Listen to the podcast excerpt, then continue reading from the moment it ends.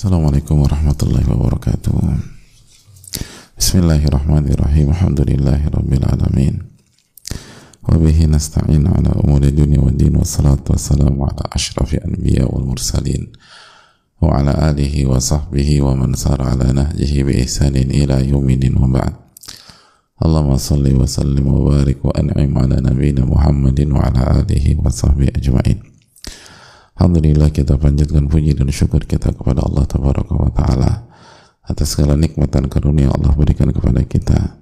Sebagaimana salawat dan salam semoga senantiasa tercurahkan kepada Rasulullah alaihi salatu wassalam beserta para keluarga, para sahabat dan orang-orang yang istiqomah berjalan di bawah naungan sunnah beliau sampai hari kiamat kelak. Allahumma inna nas'aluka ilman nafi'a wa na'udzubika min ilmin la yanfa' Ya Allah berikanlah kami ilmu yang bermanfaat dan lindungilah kami dari ilmu yang tidak bermanfaat. Dan hadirin Allah muliakan kita kembali bersama uh, Riyadus Salihin karya Al-Imam Yahya bin Syaraf bin Muri Abu Zakaria An-Nawawi rahimahullah ta'ala. Semoga Allah merahmati beliau orang tua beliau keluarga beliau. Semoga Allah merahmati guru-guru beliau para ulama kita umat di mana pun berada. Amin ya rabbal alamin.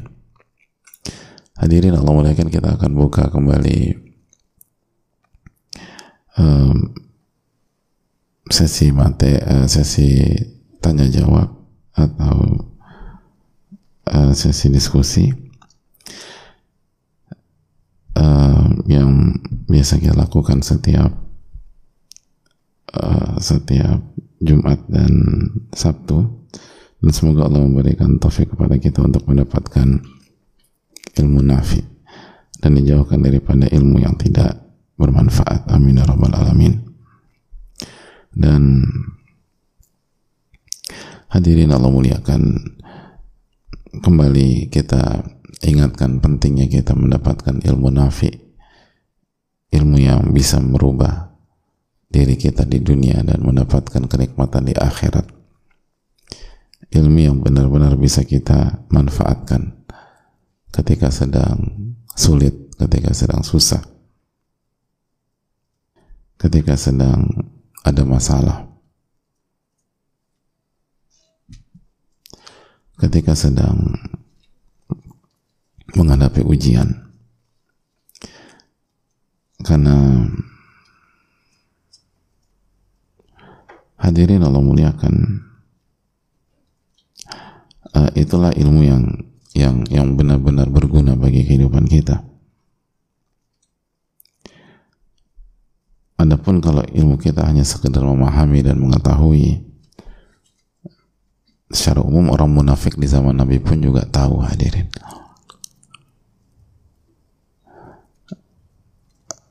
Tapi mereka nggak mau beriman dan mereka memilih untuk membangkang dan menjadi musuh dalam selimut. Adapun mengapa orang-orang yang dulunya hanya orang kecil seperti Bilal, seperti Yasir, seperti Sumayyah, seperti Ammar radhiyallahu taala anhum menjadi nama-nama besar. Dan menjadi sejarah dan menjadi inspirator bagi miliaran orang. Karena ilmu mereka ilmu nafi. Ilmu mereka adalah ilmu yang bermanfaat. Padahal mereka dulunya hanya budak, orang kecil, tertindas, tapi begitu memiliki ilmu yang bermanfaat, maka Allah angkat derajat mereka. Sebagaimana firman Allah Subhanahu wa taala, "Yarfa'illahu alladhina amanu minkum walladhina utul ilma darajat." Allah mengangkat derajat orang-orang yang beriman dan berilmu beberapa derajat. Maka semoga ini menjadi ibrah bagi kita dan menjadi pelajaran bagi kita dan hendaknya kita fokus mendapatkan ilmu nafi ilmu yang bermanfaat bukan hanya sebatas mengetahui mengerti memahami. Walaupun tentu saja itu salah satu unsur yang tidak bisa dipisahkan. Karena bagaimana kita bisa mengamalkan sesuatu yang tidak kita pahami? Kita butuh memahaminya. Tapi tidak titik sampai di sana. Itu masih koma. Pertanyaan berikutnya bagaimana kita mengamalkan pemahaman yang kita dapatkan tersebut semoga Allah memberikan taufik kepada kita dan semoga Allah Subhanahu wa taala jaga kita dan jaga umat ini dari berbagai macam keburukan, kerusakan dan makar-makar musuhnya. Amin ya rabbal alamin. Kita buka sesi tanya jawab. Wassalamualaikum warahmatullahi Muhammad.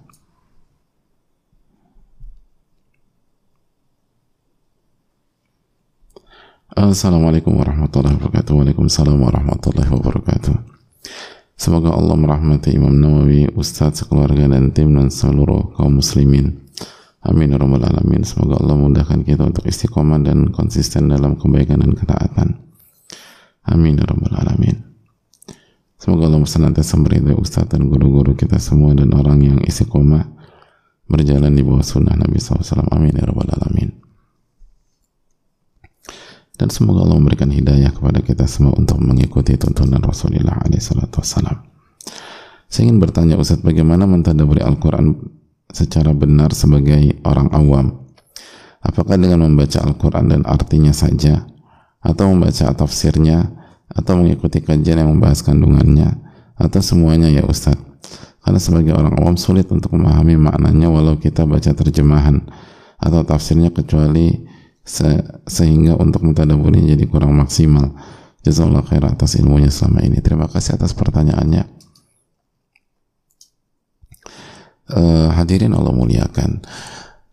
Uh, idealnya untuk orang umum. Kalau kita bicara idealnya ya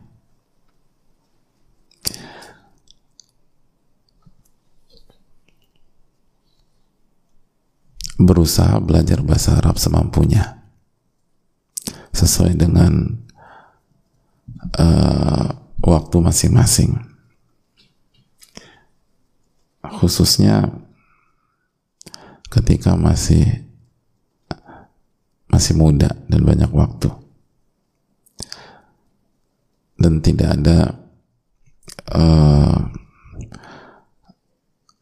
kegiatan fardu ain atau fardu kifayah yang lebih tinggi maslahatnya dibanding itu.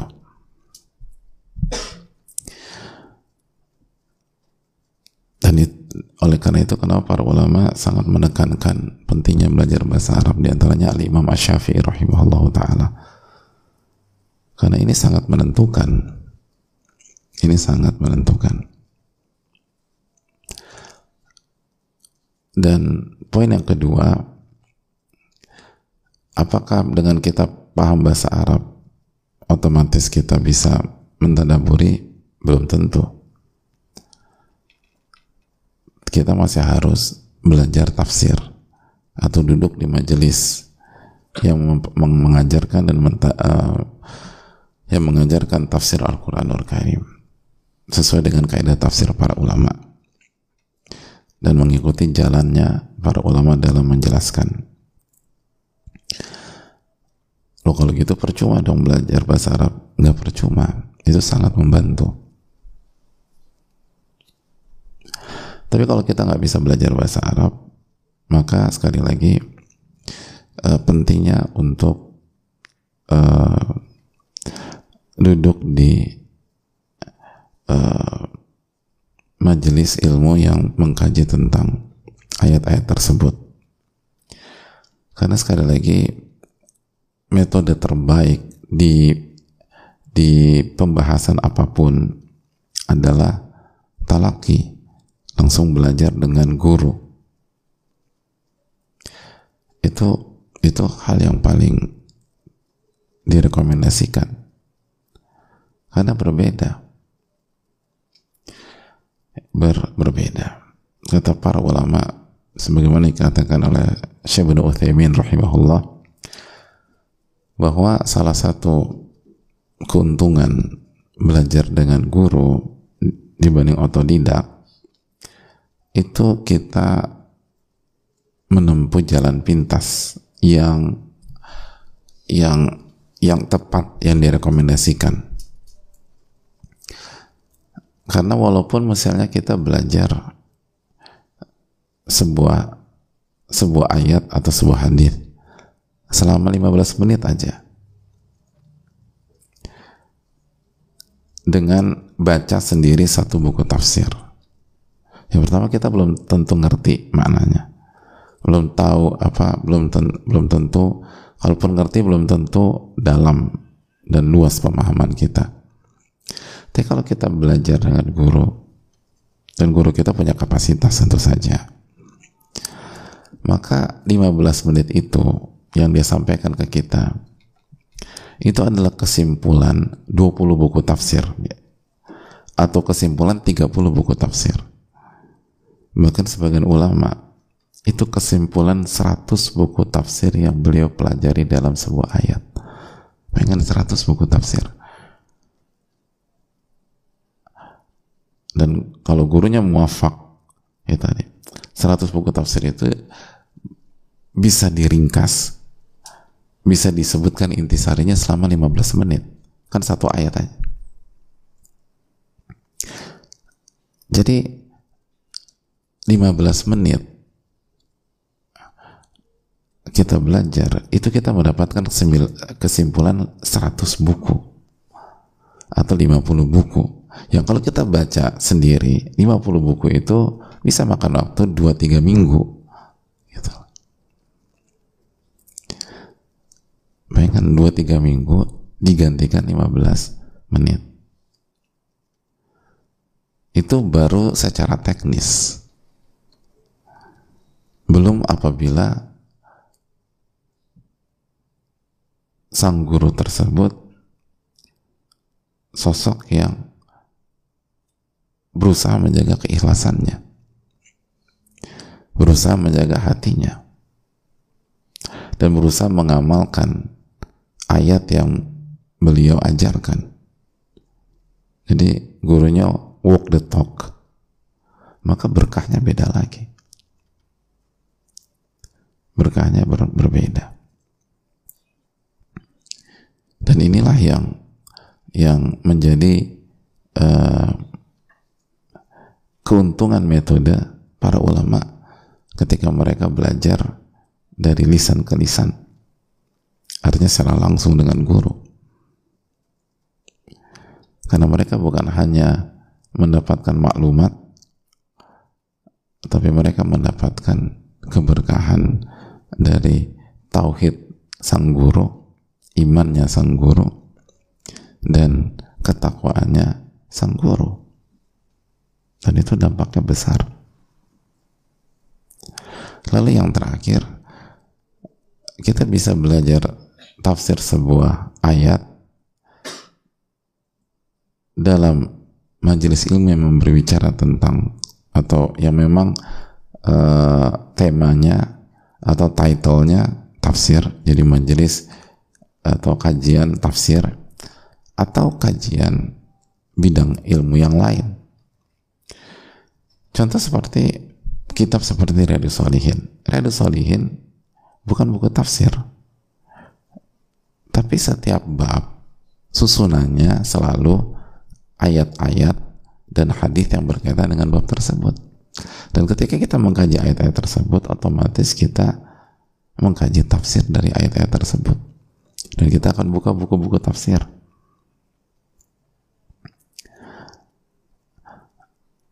artinya uh, bisa langsung atau bisa dengan disiplin ilmu yang lain yang tentu saja bersumber dari Al-Quranul Karim dan Sunnah Nabi SAW. Karena sekali lagi disip, apa uh,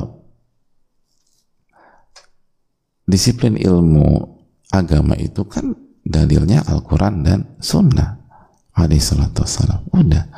Jadi otomatis kita akan berinteraksi dengan tafsir Al-Quran di setiap babnya kecuali kalau pembahasannya menggunakan pemikiran pribadi atau logika pribadi dan seterusnya ya kita nggak akan nggak akan ketemu ayat dan nggak akan belajar tafsir di situ. Kalaupun ada ayatnya pakai logika sendiri. Bukan menggunakan metodologi tafsir para ulama. Jadi itu yang perlu kita tanamkan. Dan uh, baru kalau memang cara itu nggak bisa baru uh, atau kalaupun uh, bisa atau nggak bisa ya lebih tepatnya setelah itu baru kita support lagi dengan membaca buku tafsir. Dan pilih buku tafsir yang sesuai dengan uh, orang umum atau orang awam di antaranya misalnya uh, tafsirnya Al-Alama As-Sa'di rahimahullah ta'ala. Wallahu ta'ala misal.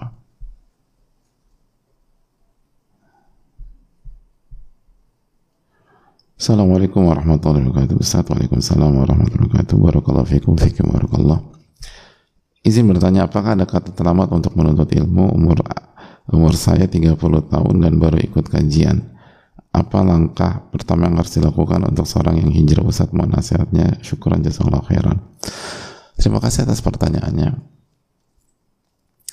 baru uh, belajar atau ikut kajian di usia 30 tahun.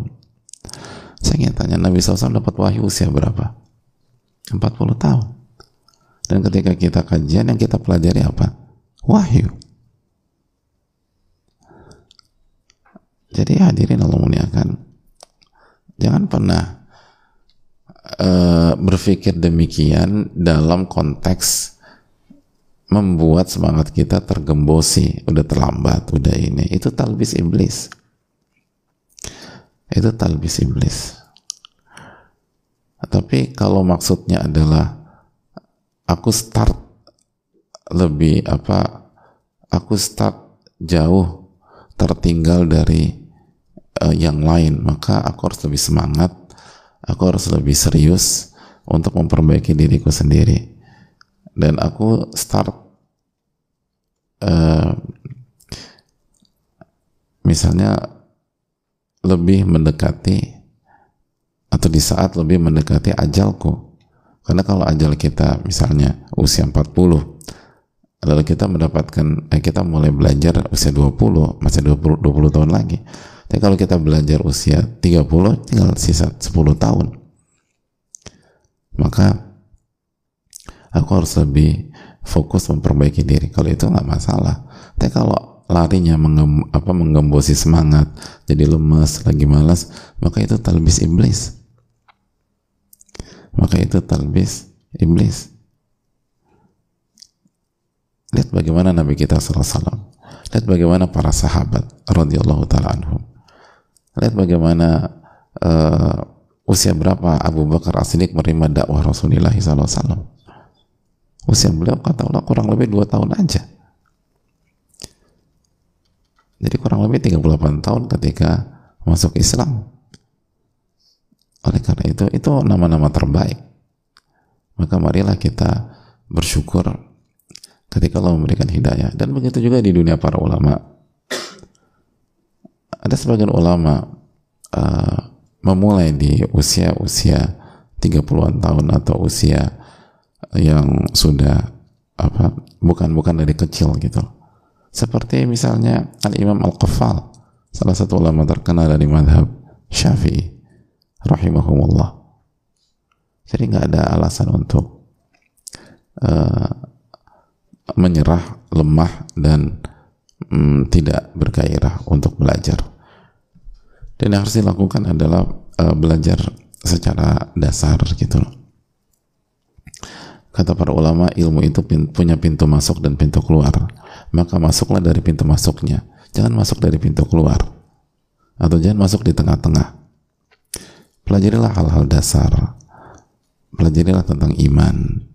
Pelajarilah tentang uh, keyakinan kita kepada Allah.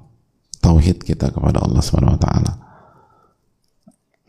Lalu pelajarilah Nabi kita alaihi salatu wassalam sunnah-sunnah beliau alaihi salatu wassalam yang merupakan fardu ain keseharian kita. Makanya kenapa para ulama mem memilih Radu Solihin untuk mendidik umat di samping buku-buku yang lain.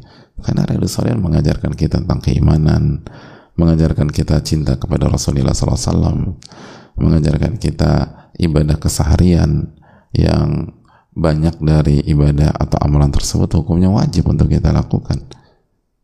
Kita bahas bab nafkah, kita bahas bab birrul walidain, kita bahas bab silaturahim itu wajib semua. Kita bahas bab memuliakan ahlul bait itu kita sedang bahas bahwa itu mendidik orang mencintai Rasulullah SAW dan memberikan hak Rasulullah SAW dan keluarga beliau jadi mulailah dengan hal-hal itu.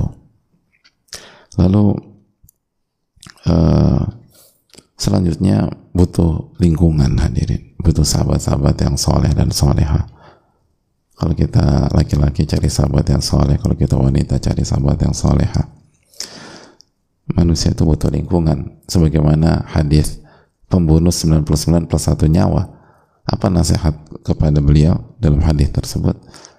nasihat kepada beliau adalah tinggalkan negerimu karena negerimu berisi orang-orang buruk lalu berhijrah atau pergi ke negeri yang di dalamnya orang-orang yang beribadah kepada Allah Subhanahu wa taala.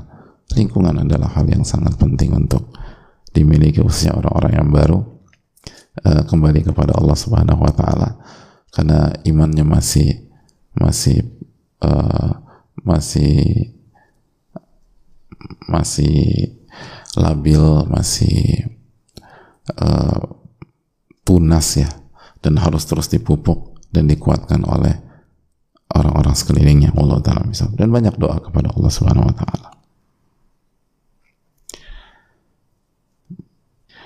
Assalamualaikum warahmatullahi wabarakatuh. Waalaikumsalam warahmatullahi wabarakatuh. Semoga Allah merahmati Imam Nawawi dan para ulama umat Islam. Semoga Allah merahmati Ustadz, keluarga dan semua tim serta merahmati seluruh kaum muslimin di dunia. Amin ya rabbal alamin. Bagaimana parameter bahwa kita sudah mendahulukan Allah dan Rasulnya dibanding diri kita sendiri dan pihak lain? Karena jujur saya merasa malu dan tertohok dengan surat At-Taubah ayat 24 saya khawatir jangan selama ini tidak mendahulukan Allah dan Rasulnya malah mendahulukan yang lain. Mohon nasihatnya Ustadz. Ya terima kasih atas pertanyaannya kekhawatiran penanya itu menunjukkan sensor imannya berfungsi.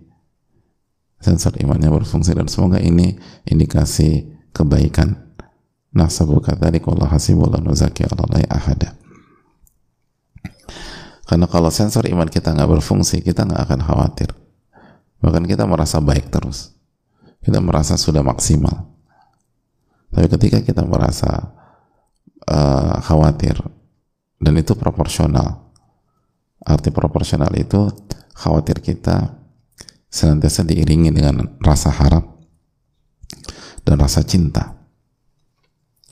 Maka itulah tanda orang itu beriman. Lalu yang kedua, tolak ukur mendoakan Allah dan Rasulnya adalah ketika kita mengedepankan apa yang Allah ridhoi, apa yang Rasulullah SAW tuntunkan dibanding kepentingan kita dan orang lain. Dan itu nggak usah dicari-cari. Jangan cari-cari masalah. Karena tanpa kita cari, pasti kita akan menghadapi hal-hal seperti itu. Pasti. Kalau kita merasa belum, itu bukan belum belum menghadapi, tapi belum ngeh, belum sadar. Karena itulah kehidupan. Kehidupan itu adalah ujian alladzi khalaqal mauta wal hayata liyabluwakum ayyukum ahsanu amala.